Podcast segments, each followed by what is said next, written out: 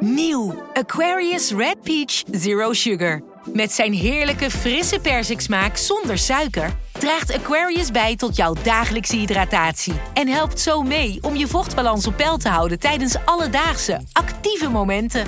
Thuis, op het werk of onderweg. Ook verkrijgbaar in smaken lemon en orange. Probeer hem nu. Wie reist met NS, reist net even anders. Wij reizen groen, zonder moeite te doen. Oh, zo kan je dus ook een dagje weg. En wij werken in stilte. In stilte? Nou ja, met oortjes dan. Oh. Zo gaan we iedere dag vooruit. Stap je ook in?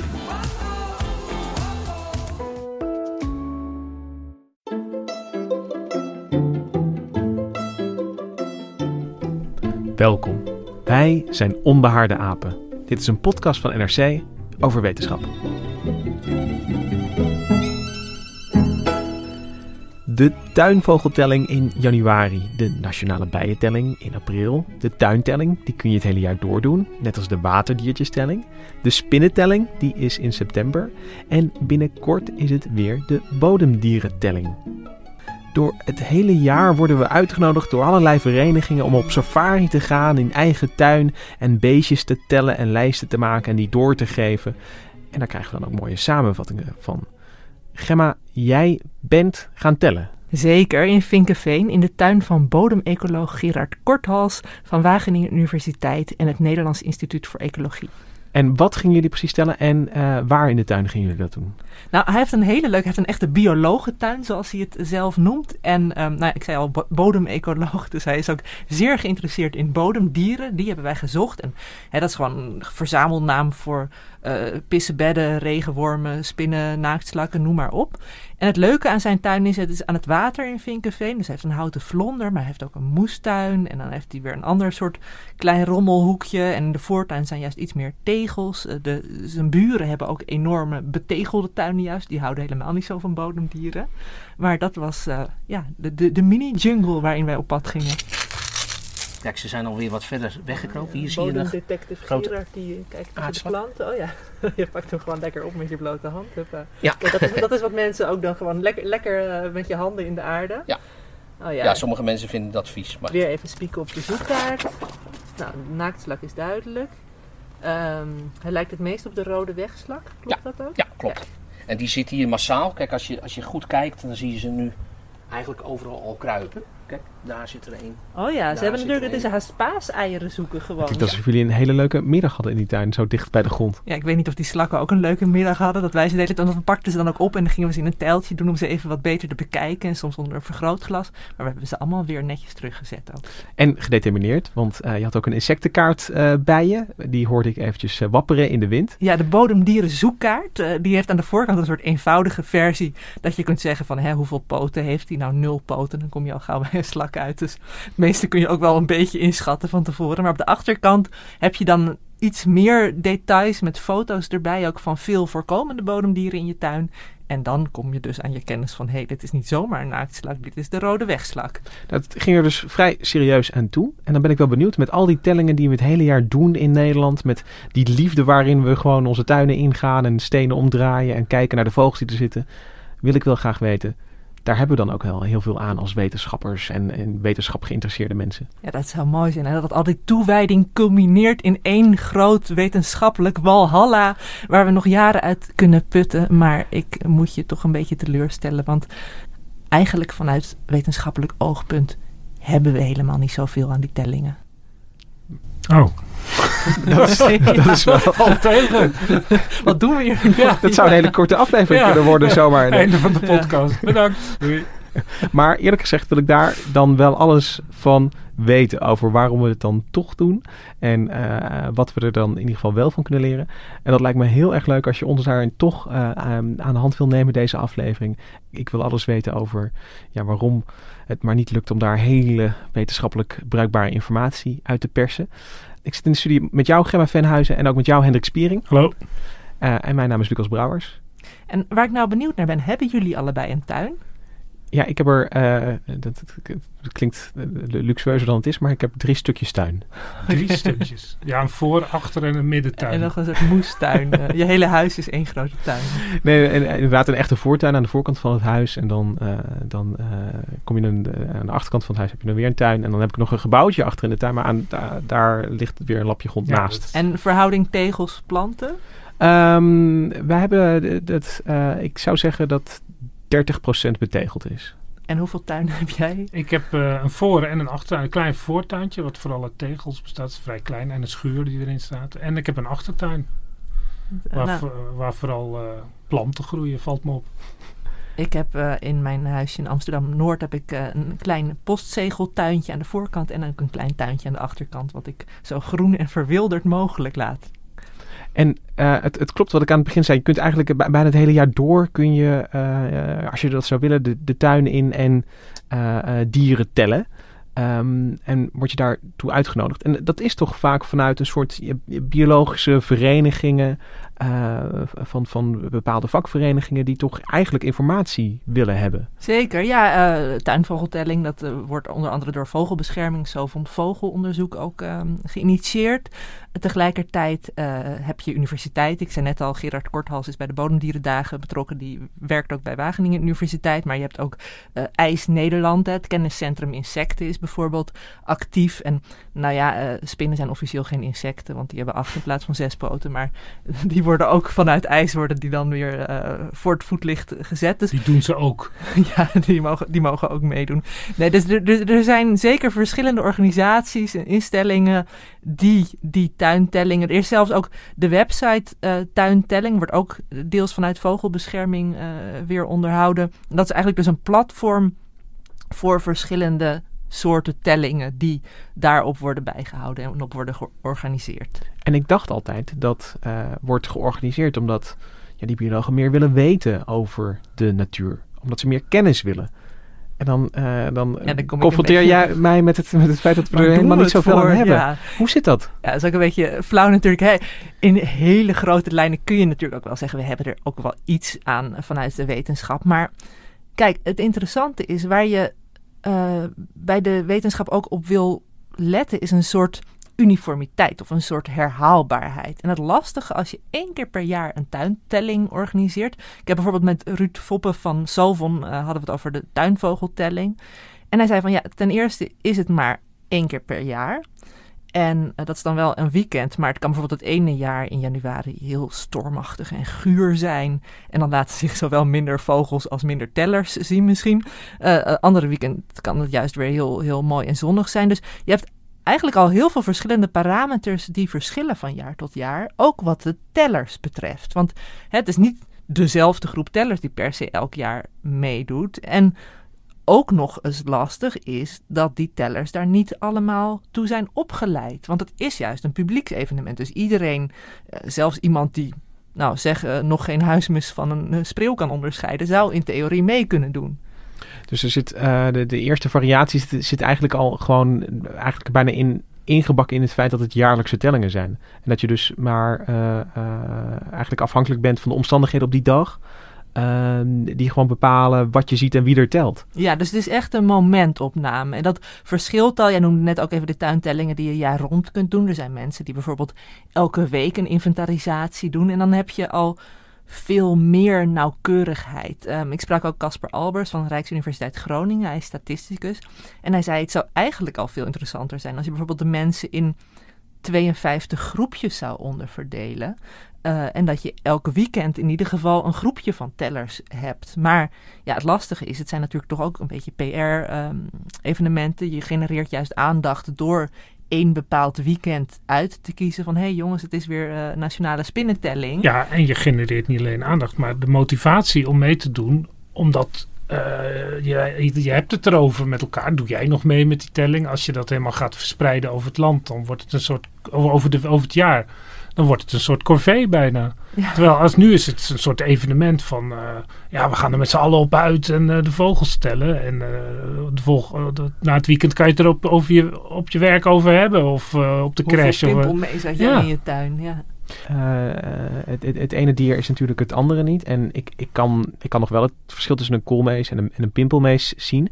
Maar met die ehm, eh, bodemdieren waar jij achterna ging, had je al een, een zoekkaart bij. En, en nou ja, goed, daar, daar ben ik niet in thuis.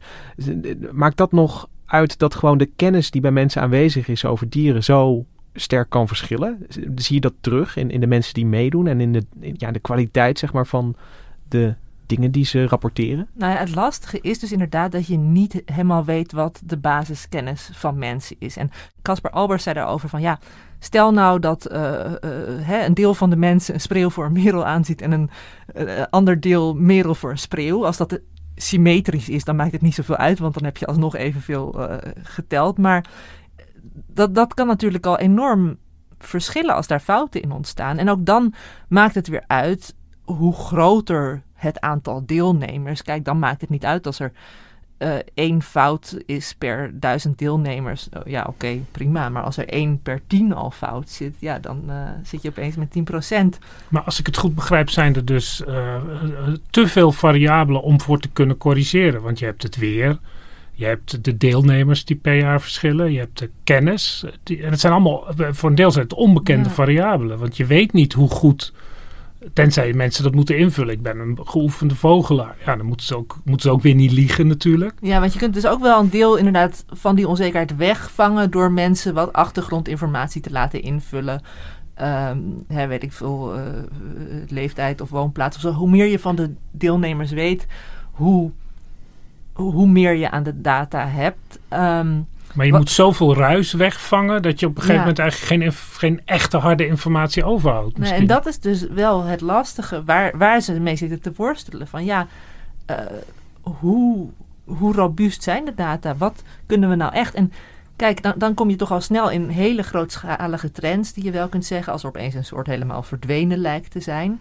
Um, maar ik wil nog even terugkomen op wat Lucas net zei over verschillende soorten van elkaar onderscheiden. Want dat is ook weer lastig. Alleen al als je bijvoorbeeld um, de bodemdieren denkt, nou ja, dan kun je nog wel zeggen, oh, dit is een slak en dat is een mier. Dat weten de meeste mensen nog wel. Hopelijk. Maar dan heb je dus verschillende levels, verschillende niveaus. Op die uh, bodemdieren zoekkaart heb je ook dus aan de voorkant die hele simpele onderverdeling met aantal poten. En je mag ook op dat niveau meedoen. Dat je zo gewoon zegt, ik heb tien slakken in mijn tuin. En één daarvan heeft een huisje. Drie daarvan hebben poten. Maar aan die, aan die uh, waarneming heb je natuurlijk weer minder. Dan als iedereen zou kunnen zeggen, ja, maar ik heb drie segrijnslakken. En uh, twee ja. tuinslakken enzovoort. Wat ook nog interessant is, is dat die dieren niet allemaal even makkelijk zichtbaar zijn. Bij de spinnentelling bijvoorbeeld heb je altijd de kruisspin, dus nummer 1. En dan denk je, oké, okay, nou blijkbaar komt die het meest voor in tuinen, maar dat hoeft niet zo die te zijn. Die is ook het herkenbaarste Ja, ik heb Jinse Noordijk, dat is uh, een van de drijvende krachten achter de spinnentellingen, die zei ook van ja, weet je wat het is, de kruisspin, die valt veel makkelijker op. Die hangt daar lekker pontificaal met zijn web. Je loopt er soms gewoon zelfs letterlijk tegenaan.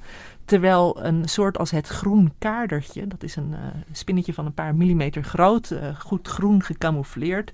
Ja, daar loop je zo aan voorbij. Onbegrijpelijk. Maar, te, maar terwijl er misschien meer groene kaartertjes in Nederlandse ja. tuinen zitten verstopt dan kruispinnen. Ja, ja, en wat ik ook nog wel leuk vond, uh, wat Jinse zei, is dat soms zelfs de lengte van de deelnemers, dus eigenlijk de leeftijd ook van de deelnemers, kan meemaken. Omdat kinderen die dan vlak boven de grond naar spinnen speuren. Die kunnen bijvoorbeeld de herfsthangmatspin uh, tegenkomen. Dat is een spin die, die uh, weeft een uh, hangmatvormig webje tussen de planten. Heel leuk. Um, maar de, moet ik het goed zeggen, de venstersectorspin, nou ja, die zit al een beetje tegen het raam aan. Maar die kan voor zo'n kind misschien weer net te hoog zit, zitten. Dat is meer voor basketballers. nou ja. Maar de, dus, de basketbalspin wordt die ook wel genoemd. En dus wat Hendrik zegt, al die variaties van, van uh, hoe oud de teller is tot uh, wat, wat hij weet, uh, maakt dat de data eigenlijk moeilijk te, om het maar simpel te zeggen, te vertrouwen is. Die je krijgt. Het is, ja. het is, het is geen, um, zelfs al heb je informatie uit duizend tuinen, dan is dat uh, geen goede weergave van wat er in die tuinen voorkomt. Je kunt natuurlijk een en ander ondervangen uh, met het opstellen van een bepaald protocol. Als je tegen iedereen zegt van nou, jullie gaan een uur tellen, bijvoorbeeld, dan heb je in ieder geval dat al gestandaardiseerd. Want als één iemand vijf uur vogels gaat tellen en een ander één uur, weet je, dan, dan is het al helemaal lastig om nog onderscheid te maken. Dus meestal zijn er wel wat van die basisregels waar je aan moet voldoen. Maar um, zo hebben ook diverse van de organisatoren gezegd: van daar kan nog wel wat in verbeterd worden. En dat is ook weer het lastige, want als je te veel regels, te veel eisen gaat stellen, ja, eh, wie gaat er dan nog voor zijn lol zijn weekend besteden aan zo'n telling? Maar wordt er eigenlijk in de presentatie van die telling en in de werving heel erg de nadruk gelegd op, de, op het wetenschappelijk karakter, op het nut? Nou, nee, het is niet zo dat ze zeggen van, oh, help ons, we hebben jullie gegevens nodig. Het wordt ook wel gewoon gepresenteerd als iets wat leuk is, ook voor jezelf om aan mee te doen. Dus um, uh, en wat ik net zei, weet je, het is ook niet dat de wetenschapper er helemaal niets aan heeft. Wat ik wel interessant vond, was, weten jullie nog het Usutu-virus bij merels? Ja, dat was een. Uh, ik, ik, kan me nog herinneren dat dat, dat dook ineens op. In, in Duitsland kwamen de eerste berichten over dat, dat de merels een beetje versuft uh, zaten en, en ook, ook doodgingen. En dat, nou ja, er was sprake van een oprukkend vogelvirus bij merels. Ja, en het interessante is dat dat juist ook uh, dankzij die tuinvogeltelling in kaart is gebracht. Dat iedereen opeens dacht, hé, hey, waar zijn de merels gebleven? Terwijl de merel normaal toch een vrij uh, veel geziene gast in je tuin is. Dus het kan wel een soort early warning system zijn van het uh, voorkomen van bepaalde ja. ziektes. Of anderzijds kan juist de introductie van een nieuwe soort, stel door klimaatverandering uh, komt er opeens een bepaalde soort. Uh... De gier. nou, ik denk niet dat het nu heel veel gezien. Nou, maar goed, la laten we die even als voorbeeld nemen. Dat nee, je... ik heb een beter voorbeeld. Want ik uh, ging vanochtend bracht ik uh, het babytje naar een uh, kinderdagverblijf. En er, er, kwam een groepje van vijf halsbandparkieten laag door de straat, zeg maar. schoten, ze, schoten ze voorbij in het groen. Ja, en dat je opeens denkt van hé, hey, ik heb alleen nog maar halsbandparkieten in mijn tuin. Dus ook de introductie van exoten kan wel worden ja. waargenomen. En kijk, dan is het echt een halsbandparkiet is ook best wel makkelijk uh, te herkennen. En als daar meerdere waarnemingen van binnenkomen tijdens een tuinvogeltelling, dan is dat wel een indicatie. Uh... En er zijn toch heel veel berichten al de laatste jaren over de verdwijning van de mus. Dat zou mm. daar dan ook in moeten kunnen gezien worden. Ja, dus dat, dat soort gro grote trends. Dus het is niet zo van, hè, we hebben er niks aan. Maar er zijn wel al die mitsen en maren die ik net noemde, die het lastig maken om echt een heel uh, ja, wetenschappelijk artikel daarover te publiceren. Maar het is dus eigenlijk niet het hoofddoel van die telling. Nee, het is wel wat ze met die jaar rond tuintelling, dus echt dat, dat mensen wekelijks gaan tellen. Um, daar willen ze veel meer, daar zijn de protocollen ook veel uh, uitgebreider. Maar je kunt je verwachten, iemand die sowieso al uh, elke week meedoet, die heeft een bepaalde mate van toewijding. Die vindt het ja. ook niet zo erg om zich dan ook aan een strikt protocol te houden. Die doet dat misschien ook met meer met de wens om iets aan de wetenschap bij te dragen dan iemand die het gewoon even voor, het, voor de leuk uh, doet. Dus je, je, moet eigenlijk als onderzoeker um, heel goed bewust zijn van, ja, van de telvaardigheden eigenlijk van, van je. Uh, eigenlijk uh, heb je met al die tuintellers, je hebt een soort meetinstrument waarvan je weet ook dat het, dat het een beetje onbetrouwbaar kan zijn op bepaalde manieren. En dat moet je eigenlijk heel goed in de smiezen hebben om dat goed in te kunnen zetten. Ja. En ze zijn ook niet naïef hoor. Want uh, nou, ik sprak daar ook over met Gerard Korthals toen we in zijn tuin op safari waren. En hij had het er ook over van ja, het, het, het is echt duidelijk citizen science. Oorspronkelijk was het natuurlijk begonnen gewoon als lolletje. Als, hè, dus um, um, uh, ik, ik heb dat idee gehad en, en waar ik tegenaan liep, uh, met name in mijn eigen werk met uh, mijn onderzoek, dat ik gewoon aan heel veel mensen in het veld niet kon vertellen wel kon vertellen over aaltjes bijvoorbeeld, maar het niet kon laten zien. En je kan misschien soms uh, gewasschade laten zien. Maar niet als je gewoon in het park loopt met, uh, met je buurman bij wijze van spreken of met je vrienden. En uh, ja, dat is wel eens lastig voor ons. Hè? Dus, dus juist in de overdracht van wat wij aan het doen zijn, kun, je, kun je niet als bijvoorbeeld een vogelaar gewoon de vogels zien vliegen en laten zien, hey, dat is dit of dat is dat. En dat was ook het idee om die bodemdieren zoekkaart en die bodemdierendagen te, te starten. Gewoon om de mensen te laten zien wat, wat, wat kan je nou vinden, wat, wat zit er. En stuur ons die gegevens op, want uiteindelijk kunnen we daar ook echt iets mee doen. En dus aan de ene kant is het gewoon meer uh, draagvlak en interesse creëren voor ons vakgebied. Dus dat is een belangrijke doelstelling van de Bodemdierendagen. Maar daarnaast, en dat begint steeds belangrijker te worden, proberen we ook steeds meer data binnen te krijgen. En daar kunnen we ook echt citizen science eh, projecten mee draaien. En dan vooral de soorten samenstelling in de tuinen? Of dat je ook kunt koppelen aan bijvoorbeeld eh, de- het aantal plantensoorten en, en bodemdieren? Ja, ja. Het, het, het gaat natuurlijk om grote trends. Hè, want eh, ja, eigenlijk speelt hier dat een deel van de, van de data is soms wat minder betrouwbaar. Hè, want ja, die, eh, sommige mensen kunnen het minder goed het zoeken en het doorgeven dan anderen. Dus je, je hebt een be- bepaalde onbetrouwbaarheid. Eh, je bent afhankelijk van hoeveel meer data er ingestuurd worden, hoe beter wij het onderzoek kunnen doen. Dan kun je die ruis een beetje wegfilteren Ja, van of ja, iemand een goede ja. teller of niet is. Ja, ja. maar bijvoorbeeld, eh, om een voorbeeld te geven, we hebben nu meer dan duizend eh, inzendingen. Eh, Over, officiële. Van, van over die zes Ja, jaar, of ja. over de afgelopen vijf jaar dan Ja, verspreid. Ja, ja, dus uit die data elk jaar kunnen we echt wel grote trends halen. Als bijvoorbeeld, eh, eh, vorig jaar was het een heel droog jaar geweest. En net in onze periode was het heel erg nat. Dus, dus hè, omdat het rond oktober vorig jaar was. Dus we konden aan sommige diergroepen zien dat het heel droog was geweest. Aan de resultaten. Eh, maar we konden ook zien dat voor sommige diergroepen de, de regen net weer op tijd was gekomen. En eh, dus er weer een herstel had plaatsgevonden. Ja, dat citizen science is ook een, eh, een begrip natuurlijk. En, en niet alleen voor, voor biologen, maar het wordt ook... eh, eh, ik, ik ken voorbeelden van... van je, je, je kunt ook zoekplaten uit het heelal bijvoorbeeld thuis gaan Ja, bekijken. En, Gratis op Mars, eh, Ja. gra- grafheuvels op de Veluwe. Ja, er was toch ook een eh, Nederlandse juf die had een of ander object in de ruimte ontdekt. Hanny. Hannies, ja. Hannies voorwerp heet dat Ja. nu officieel. Ehm, ehm, maar, maar, maar dat is natuurlijk wel met... Ik denk eh, toch de, de, de, de, de voortschrijdende digitale technologie is het makkelijker om eh, informatie naar, eh, de, naar burgers te sturen en ook weer dingen terug te Ja, krijgen. Dus, Fijnstoffilters op je telefoon. Ja. soort- dus er zijn heel veel van dat soort projecten geweest.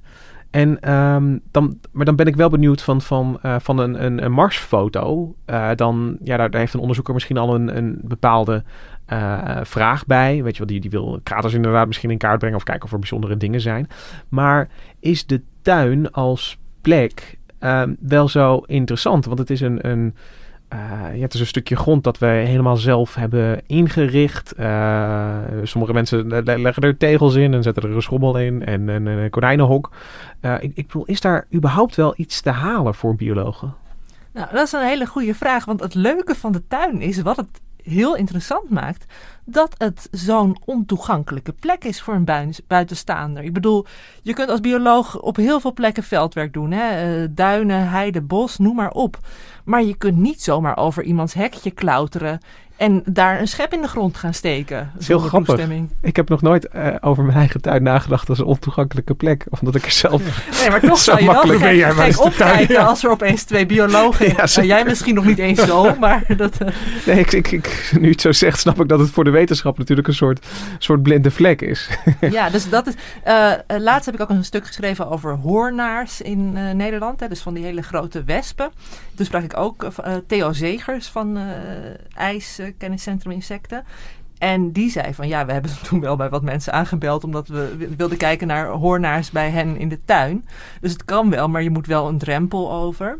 Letterlijk. Ja, en, en je moet heel veel drempels over natuurlijk. Want het, eh, de, de gemiddelde tuin is misschien eh 10, eh, 10 meter diep en eh 4 meter breed of zo. En ja, dan heb je maar een klein stukje. Dus als je een beetje eh, volume wil hebben, dan moet je heel wat hekjes open doen natuurlijk. Ja, het, is, het is wel leuk, zo- zo'n inkijkje bij mensen thuis. Maar niet iedereen zal willen meewerken.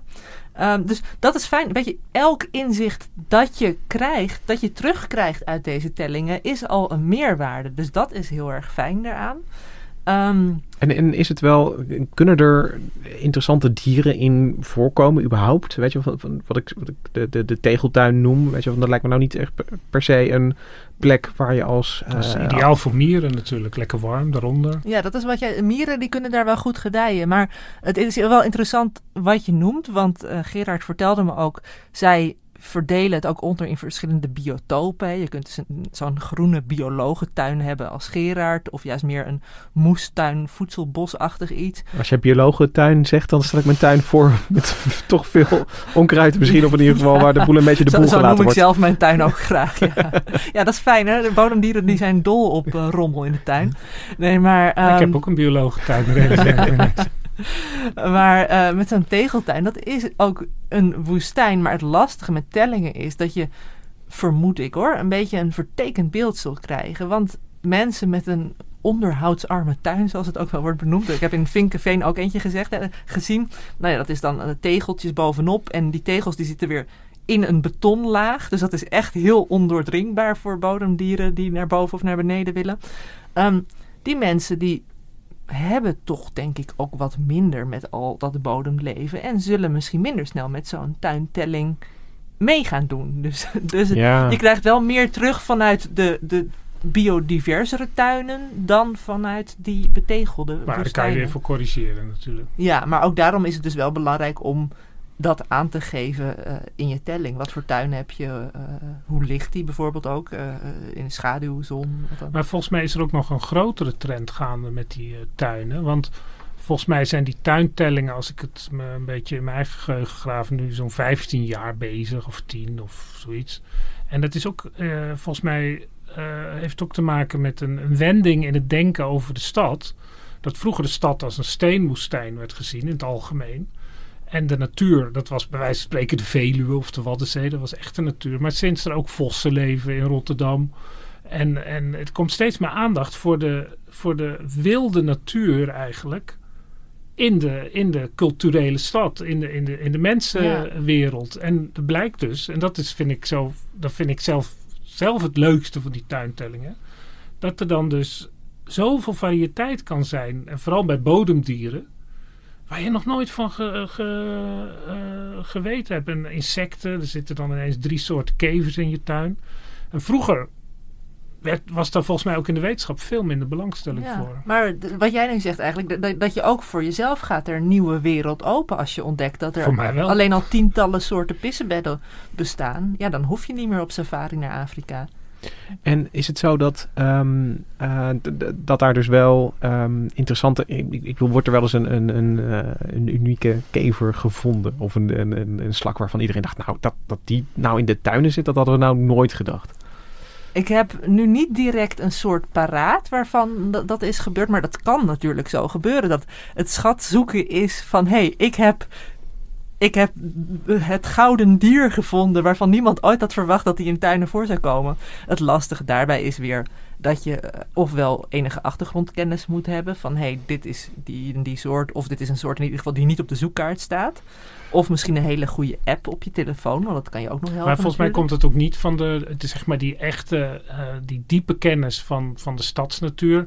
Die komt volgens mij gewoon van biologen die ineens op straat een plantje zien waar ze niet van vermoed hadden dat het, eh, eh, want dat soort verhalen zijn er wel. Nou, en weet je wat het leuke is? Er zijn ook wel tussenvormen waarbij dan een ervaren bioloog bijvoorbeeld met een groep eh, enthousiaste leken op pad gaat, op excursie. Hebt bijvoorbeeld Taxon Expeditions in Nederland.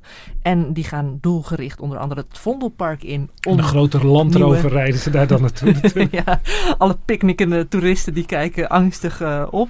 Nee, maar eh, daar is dit jaar eh, onder andere al een nieuwe sluipwespsoort bij ontdekt. En ook een kever en die is naar de Beatles vernoemd. Dat is wel Ik toepasselijk even, om een eh, kever naar de Beatles te doen. Ja, nou heb ik weer zijn naam niet paraat. Maar dat krijg je als je het publiek natuurlijk vraagt om naamsuggesties. Dan, eh, Ja, ook dat is een manier om mensen erbij te betrekken. En het leuke is, ik weet niet of jullie de website waarneming.nl kennen. Daar ja, daar, die, die kom ik wel eens tegen. En ik sta soms op het punt om iets in te voeren zelfs. Het is een, een, maar je hebt het nooit gedaan. Nee, ik heb het nooit gedaan, omdat dat, eh, eh, op het moment dat je een beetje gaat aanmelden, vragen ze best wel serieus van, gaan ze doorvragen, ja, hoe lang was die vogel dan, of was het een mannetje of een vrouwtje? En dan, En dan vo- dan voel ik me niet eh kenner genoeg om, om daarin door te gaan. Maar ik, ik, de- de- het is een leuke site. Gewoon een hele grote Ja. Excel-tabel is het eigenlijk met alles wat iedereen ziet. En laatst hadden ze de, ja Lucas, jij weet het volgens mij al, hoeveelste eh, waarneming is doorgegeven, denk je Hendrik?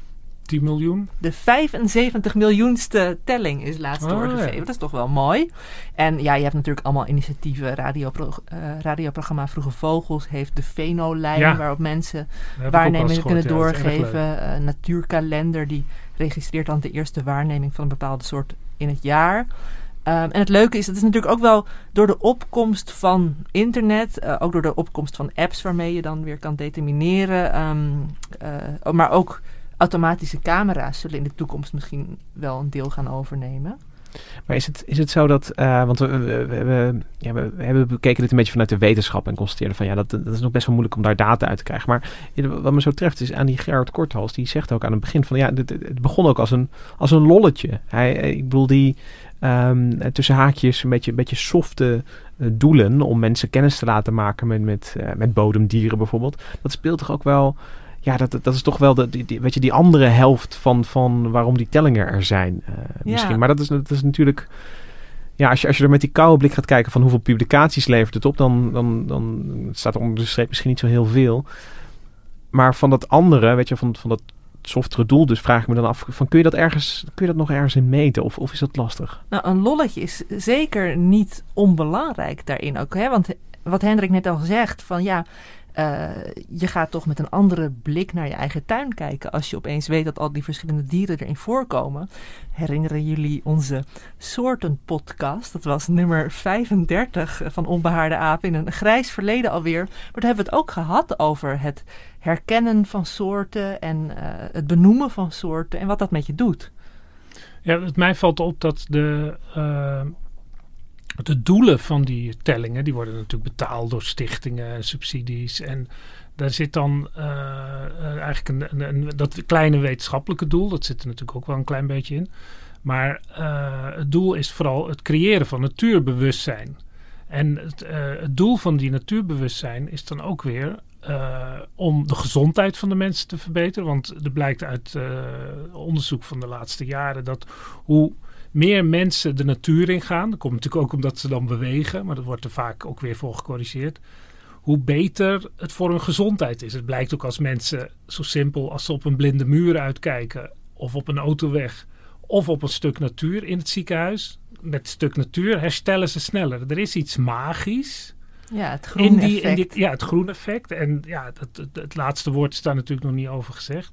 En er is ook het effect van natuurbehoud. De, wat, wat heel diep in dit soort initiatieven ligt, is het idee, wat ook wel uh, zal kloppen, dat hoe meer je betrokken bent bij de natuur in je eigen tuin, hoe vaker je uh, positief over de natuur zal denken. En dus bijvoorbeeld uh, je zal inzetten voor behoud van een stuk uh, park of uh, politiek actief zal zijn. En dat heeft natuurlijk ook met klimaat. Dan krijg je die hele politieke pilaar die daarop staat. En dat is natuurlijk ook het, het doel. Wat grappige is. Want ik heb een paar van die. Er is de laatste 10, 10 15 jaar. is er heel veel onderzoek naar. Hoe, hoe gaan mensen met hun tuinen om? Want die, juist om deze ideeën. En het, het, daar zit wel iets uh, grappigs in, omdat die, bio, die, die, die psychologen en biologen die daarnaar kijken, die zien dan dat de manier waarop mensen met hun tuin omgaan eigenlijk heel anders is dan in die officiële doelstellingen eigenlijk bedoeld wordt. Helemaal niet zo voor natuurbehoud of wat dan? Nee, het is vaak een, een sense of ownership. Een, een gevoel van uh, uh, meedoen met de buren het blijkt ook dat de manier waarop mensen hun tuinen inrichten wordt heel erg bepaald door uh, wat in de buurt gebruikelijk is. Dus er zit heel veel traditie in. Ook, er is natuurlijk een, een, een, een enorme groei in het zelf kweken van groenten. En ik zag ook onderzoeken, gek genoeg zijn er heel veel van die onderzoeken in Australië, Engeland en Nieuw-Zeeland. Dat, dat kan toeval zijn, maar ik weet niet waarom eigenlijk. Maar daar blijkt dan uit dat de meeste mensen die die tuin doen, doen dat om economische redenen. Een groentetuin. En uh, omdat het lekker goedkoop is. En ja. je hebt wat te doen.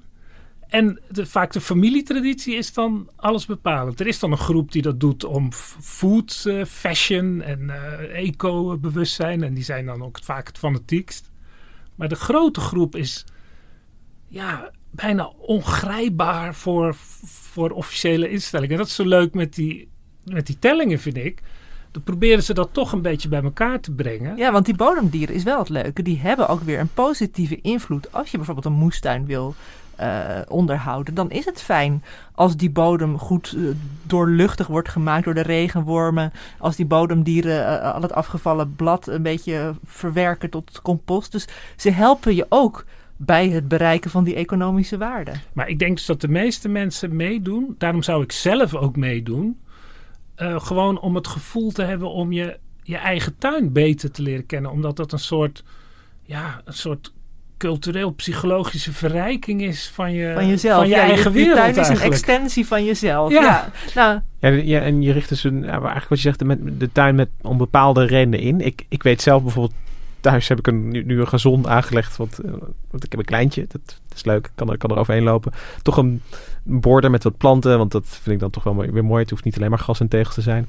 En, en, en, nog fruitbomen die erin stonden, die vind ik, vind ik hartstikke fijn. Maar wat je dus eigenlijk eh, zegt, Hendrik, en, en jij ook een beetje, Gemma, is, is van door te, te, kijken naar die wereld die er ook ligt. Het is, het, is, het is net alsof je een andere laag over je tuin, een, een andere laag van de werkelijkheid Ja. Ehm, zichtbaar wordt. Kan ik het zo een beetje noemen? Het is, het is zeg maar zoals je ook ineens, eh, als je in Friesland bent, eh, de, de, de sterrenhemel een- heel anders gaat bekijken. Omdat daar gewoon veel minder lichtvervuiling is. Dus je wereld wordt groter. En Als je op jurken gaat. ja, nou, met die, met die, met die, je hebt natuurlijk een groot verschil tussen die vogels. Daar kan je gewoon vanuit je hangmat eh, naar kijken. En, en, en, die, en die insecten, daar moet je echt naar zoeken natuurlijk. Ja. En ik heb het zelf ook wel eens een tijdje gedaan. eh, nadat ik ook een stuk over mieren had geschreven. dacht ik, god, eh, gek eigenlijk. eh, ik weet helemaal niks van insecten in mijn eigen tuin. En ook in het bos waar ik vlakbij in de buurt woon. En als je dat dan zonder enige dag of schema... wat je dan van een stichting hebt gekregen... maar met een boekje op een en een stuk wit eh, A4-papier... of een tak slaat, kijken wat voor insecten eruit vallen en kijken...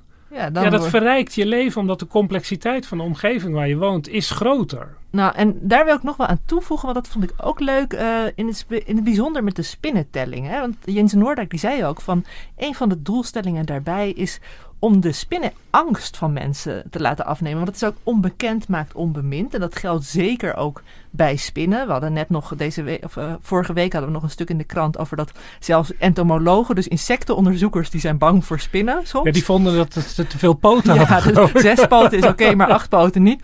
Ehm, maar als je je erin gaat verdiepen, als jij opeens zo'n leuke herfsthangmatspin of een huiszebraspin eh, tegenkomt, dan kan het ook zijn dat die angst afneemt. Dat is alweer fijn. Voor de spinnenteller zelf is toch een bijkomend voordeel dat hè, als mensen meer spinneninteresse krijgen, eh, krijgen zij wel meer data binnen, want er zijn maar pakweg iets van tien mensen die professioneel spinnen tellen in Nederland. Ja, maar dat zat is ik ook aan te veel. denken. Want eh, jij, er werd net een beetje laatdunkend. Er zijn maar honderd mensen, geloof ik, die die spinnen tellen. Maar dat zijn er dan toch tien keer zoveel Ja. als dat er anders Nou, überhaupt naar die spinnen En stel je voor dat er nou een kind is dat door die spinnentelling opeens later arachno- arachnoloog wordt. Dan heb je ook weer een mooie bijvangst. Van de, ik bedoel, dan heb je wel de toekomst van de spinnenwetenschap Ja, dat is- veilig dat is zeg gesteld maar dankzij zo'n telling. Klassieke outreach van eh, om die... eh, Ja. Want wa- waarom zou je de... eh, als ik het nou een beetje hard vraag... Waarom zou je überhaupt de angst voor spinnen willen verminderen? Omdat spinnen ook hele nuttige dieren zijn. Eh, alleen al omdat ze bijvoorbeeld weer muggen wegvangen als je niet van muggen houdt. Ehm, Ja, ze worden natuurlijk vaak doodgeslagen omdat mensen bang voor zijn. Ja, en het is ook fijn als je mensen minder bang in het algemeen kan maken. Toch? Het Ja, is, ja, ja, je- je- ja. Misschien is hun, hun levensgenot wordt er ook wel door verhoogd. Volgende ze- week de slang. Een beetje utilitair gedacht is het gewoon minder angst is beter voor eh, onze collectieve Ja, gemoed. dus zowel beter voor de mensen als voor de spinnendeskundigen. Ja, precies. Maar wat, wat, ik, als je, als je, wat je nu zegt over spinnen, wat, wat voor mij zelf heel veel heeft uitgemaakt, is dat ik een, een paar keer eh, grote foto's heb gezien van eh, springspinnen. En dat zijn eh, kleine spintjes die geen web bouwen, maar die, die, die- die- ik, ik vind ze altijd als een soort maanlandertjes eruit zien met heel veel ogen aan de voorkant. Ja, dat is En- die huiszebraspin ook. Ja.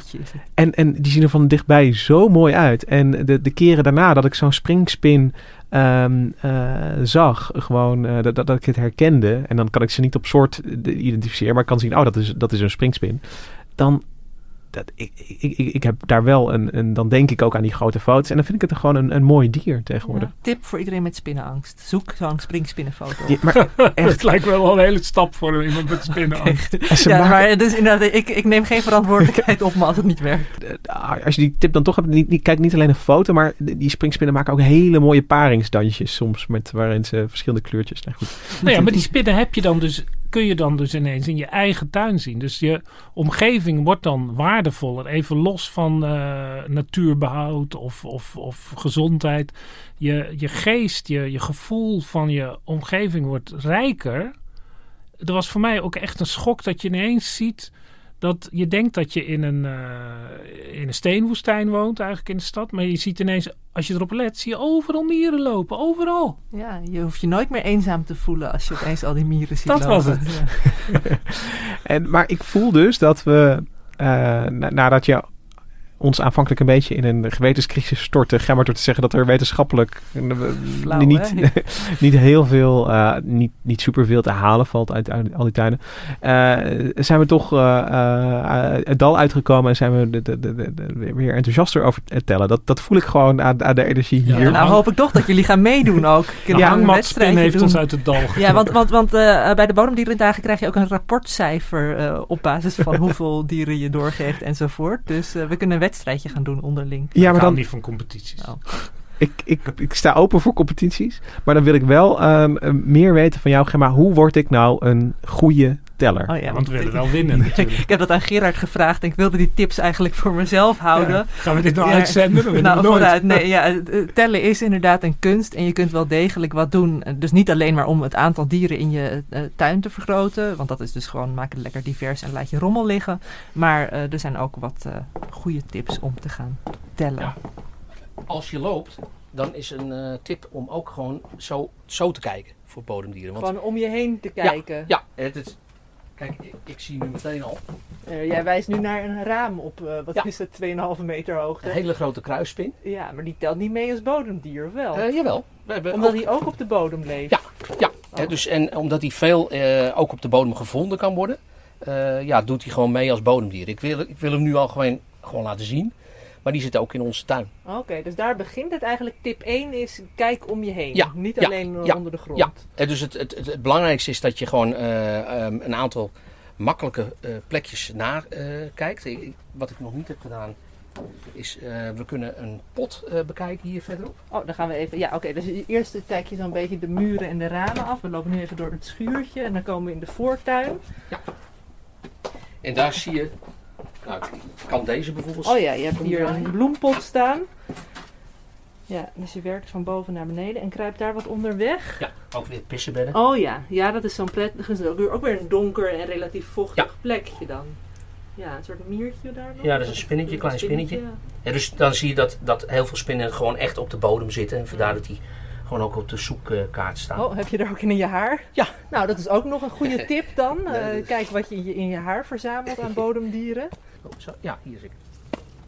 Ja, het is wel oppassen waar je loopt met al die bodemdieren natuurlijk. Ja, ja. Ja, dat, Oh, en een huisjeslak zie ik ja, daar ik, ook. zag, oh, ik, daar heb ja, er ik, ook eentje. ik zag inderdaad twee soorten. Ja. Heel, ja, nou zie ik hem. Kijk, dit is inderdaad Even kijken, gewone ik pak de kaart erbij. Ja, de, de gewone tuinslag? Ja, Of de gewone- ja. En die andere, Die moet je. dat de segrijnslak of niet? Ja, heel goed. Ja.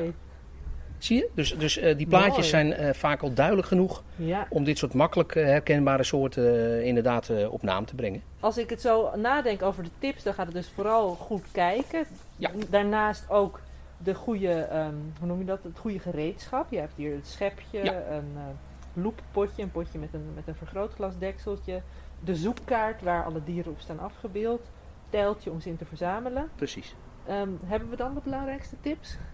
Ja, je kunt, hè, dus als je wil, ehm, zeker als het wat droger is en je wil eh, nog beter kijken naar bijvoorbeeld wormen, dan kun je overwegen om een grotere schep te nemen. Of een, eh, zelfs een, een riek bijvoorbeeld. En wat, het is misschien bekend eh, als, een, als je een riek of een greep heet dat, met Even tanden. kijken, hoe zit dat? Is een soort uh, Een s- een schep met tanden, zeg maar. Hark. Oh, Ja, ja, ja. ja, dus meestal hebben ze vier of vijf van die langgerekte pennen. En die kun je dus makkelijk in de grond eh, ehm, zetten. En daar kun je ook aan het handvat eh, trillen. Dus, dus als je de, de riek of de greep in de grond hebt gebracht, dan kun je het handvat zo heen en weer bewegen. En door die trilling komen wormen vaak omhoog. Oh, net zo, Ehm, oh ja, want net zoals meeuwen die op de bodem precies, dansen om precies. regendruppels na te Ja, bootsen. ja, ja, ja, ja. En ze weten nog steeds niet waarom dat is, eh, maar het werkt wel. Nou, dat is nog wel een mooie tip tot besluit. Doe een trappelende meeuw na. Ja, precies. En inderdaad, oh, ja, als ik nog eh, op je ant- eh, antwoord op je vragen kan geven. eh, dus naast goed kijken is het ook eigenlijk probeer je in te leven in zo'n bodemdier. Wat heeft die nodig? Waar zou jij, als je bijvoorbeeld een pissebed zou, zou zijn, waar zou jij dan het liefste willen zitten? En dan kom je bij zo'n bloempot uit. Lekker donker en precies, beschut. Precies. Ja. Ja. Verplaats je in een bodemdier. Neem het juiste gereedschap mee. Kijk om je heen. Doe een meeuw na. Ja, ja dus je moet ook eh, de- durven zeg maar een beetje te gaan... eh, de- de- de- ik interpreteer dat maar even als een beetje... durf te gaan vroeten en, en durf een beetje... Ik eh, bedenk ook nog een heel, heel goed argument om juist met die insecten of bodemdierentelling mee te doen. Want vogelaars zijn er zoveel. Je kunt je echt onderscheiden op verjaardagen. Als jij tien verschillende soorten pissenbedden kan onderscheiden natuurlijk. Zeker. Nou, even kijken. We hebben de, de oprolpissenbed, de ruwe pissenbed. Een hele mooie paarse pissenbedden. dat zie ik soms. ook. Heeft een tuinpissenbed. Maar de, de ehm, en, en- en misschien is dat een iets te moderne vraag, hoor, maar eh, die, jij zei het al in een bijzin eerder, zijn er ook hele goede apps die ik eh, zou kunnen installeren om ehm, me te helpen bij het, eh, het, het, het vinden van bodemdieren? Ja, ik hoor van veel mensen die gebruiken de app Ops Identify, als ik het goed uitspreek. Ehm, volgens mij werken die ook met waarneming.nl samen. Nou, je kunt, als je gaat kijken, dan zijn er allerlei apps. Ehm, ik heb er zelf nog geen geïnstalleerd, moet ik zeggen. Ik ben nog zo'n ouderwets zoekkaartentype. Maar ik denk dat daar wel nog een hoop te winnen is. Gewoon in samenwerking eh, met je smartphone. eh, om nog wat meer gedetailleerd te gaan waarnemen. Ze willen in de toekomst ook mensen gaan aanzetten om bijvoorbeeld eh, insectencamera's in je tuin eh, te plaatsen. Als die nog wat beter ontwikkeld zijn. Of Wat zijn dat dan? Ehm, dat zijn gewoon standaard camera's en die, die zijn gericht op een bijvoorbeeld geel velletje. En die camera die maakt dan steeds een opname van hoeveel insecten in eerste instantie erop komen. Om iets van de, eh, van de biomassa eh, te kunnen waarnemen. Maar als de, de software goed genoeg is, zou je ook bepaalde soorten of soortgroepen in ieder geval kunnen waarnemen. En dat wordt dan allemaal naar een bioloog Ja, doorgestuurd, ja, en je eh, hebt- zodat hij dat bij elkaar heeft. Je hebt Ja. ook eh, instrumentatie om vleermuisgeluiden. Ik geloof dat het de bedhopper heet. Eh, dan kun je dus vaststellen welke vleermuizen in je tuin hebt. Ja, dat is ook zo'n dat is ook zo'n ding wat je wereld zo vergroot. Dat je dus ineens ziet dat er allemaal vleermuizen door je wijk eh, Ja. vliegen. Maar dan moet je wel opletten. Je ziet ze eigenlijk altijd uit de hoek van je, uit je ooghoek. Nou, en dat ze. is het leuke met bijvoorbeeld zo eentje die dan de geluiden registreert. Die hoor je zelf eigenlijk niet met, het, eh, met je oren. Maar dan als je samenwerkt met onderzoekers, zouden zij bijvoorbeeld de software kunnen uitlezen en naar je terugkoppelen van... hé, hey, jij hebt eh, de grootoorvleermuis eh, in je tuin. Is dat een beetje de evolutie van de tuintelling die zich hier aftekent? Ze- de- de- weet je, het- toch het, het binnendringen van iets meer technologie om Ja. het iets meer te standaardiseren en het dus ook wetenschappelijk iets bruikbaarder te maken misschien? Ja, ik denk, hè, Hendrik zei altijd zo'n jaar of 10, 15 nou echt eh, bezig. En internet heeft daar sowieso een belangrijke rol in gespeeld, want mensen geven nu hun waarnemingen door via internet grotendeels. Ehm, maar ik denk wel dat we in de toekomst nog verder kunnen automatiseren om waar we het in het begin over hadden. Een van die nadelige eh, dingen van hè, we weten niet hoe, hoeveel kennis de mensen hebben.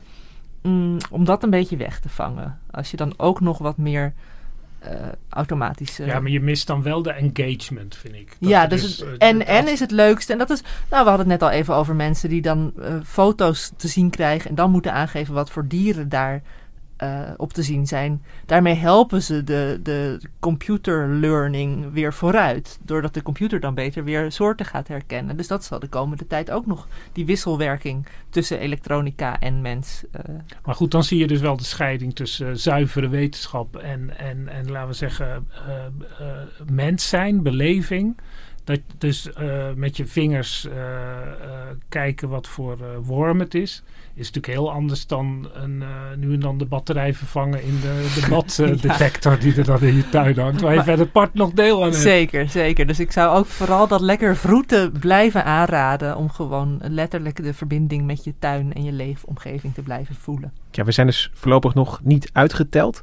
Eh, komend weekend kunnen eh, mensen dus eh, aan de slag gaan om eh, bodemdieren te gaan tellen. Ik ben wel benieuwd. Gemma, ga jij eh, aan de slag? Ben jij een goede teller? Ja, ik, eh, ik, ik ga nou voor een hoog rapportcijfer. Gerard die zei dat hij een 9 had gehaald met zijn eh. tuin. Dus ik ga ook mijn best doen. Ja, en het, is, het, het begint komende vrijdag. En het is dan eh, nou, bijna twee weken lang kun je meedoen. Dus ze zijn ook iets langer dan, eh, dan bijvoorbeeld het tuinvogelweekend. Kijk, en ik zou ook iedereen willen aanraden om komend weekend de wetenschapsbijlage van NRC goed te bekijken. Want daarin heb jij ook een groot verhaal over de tellingen.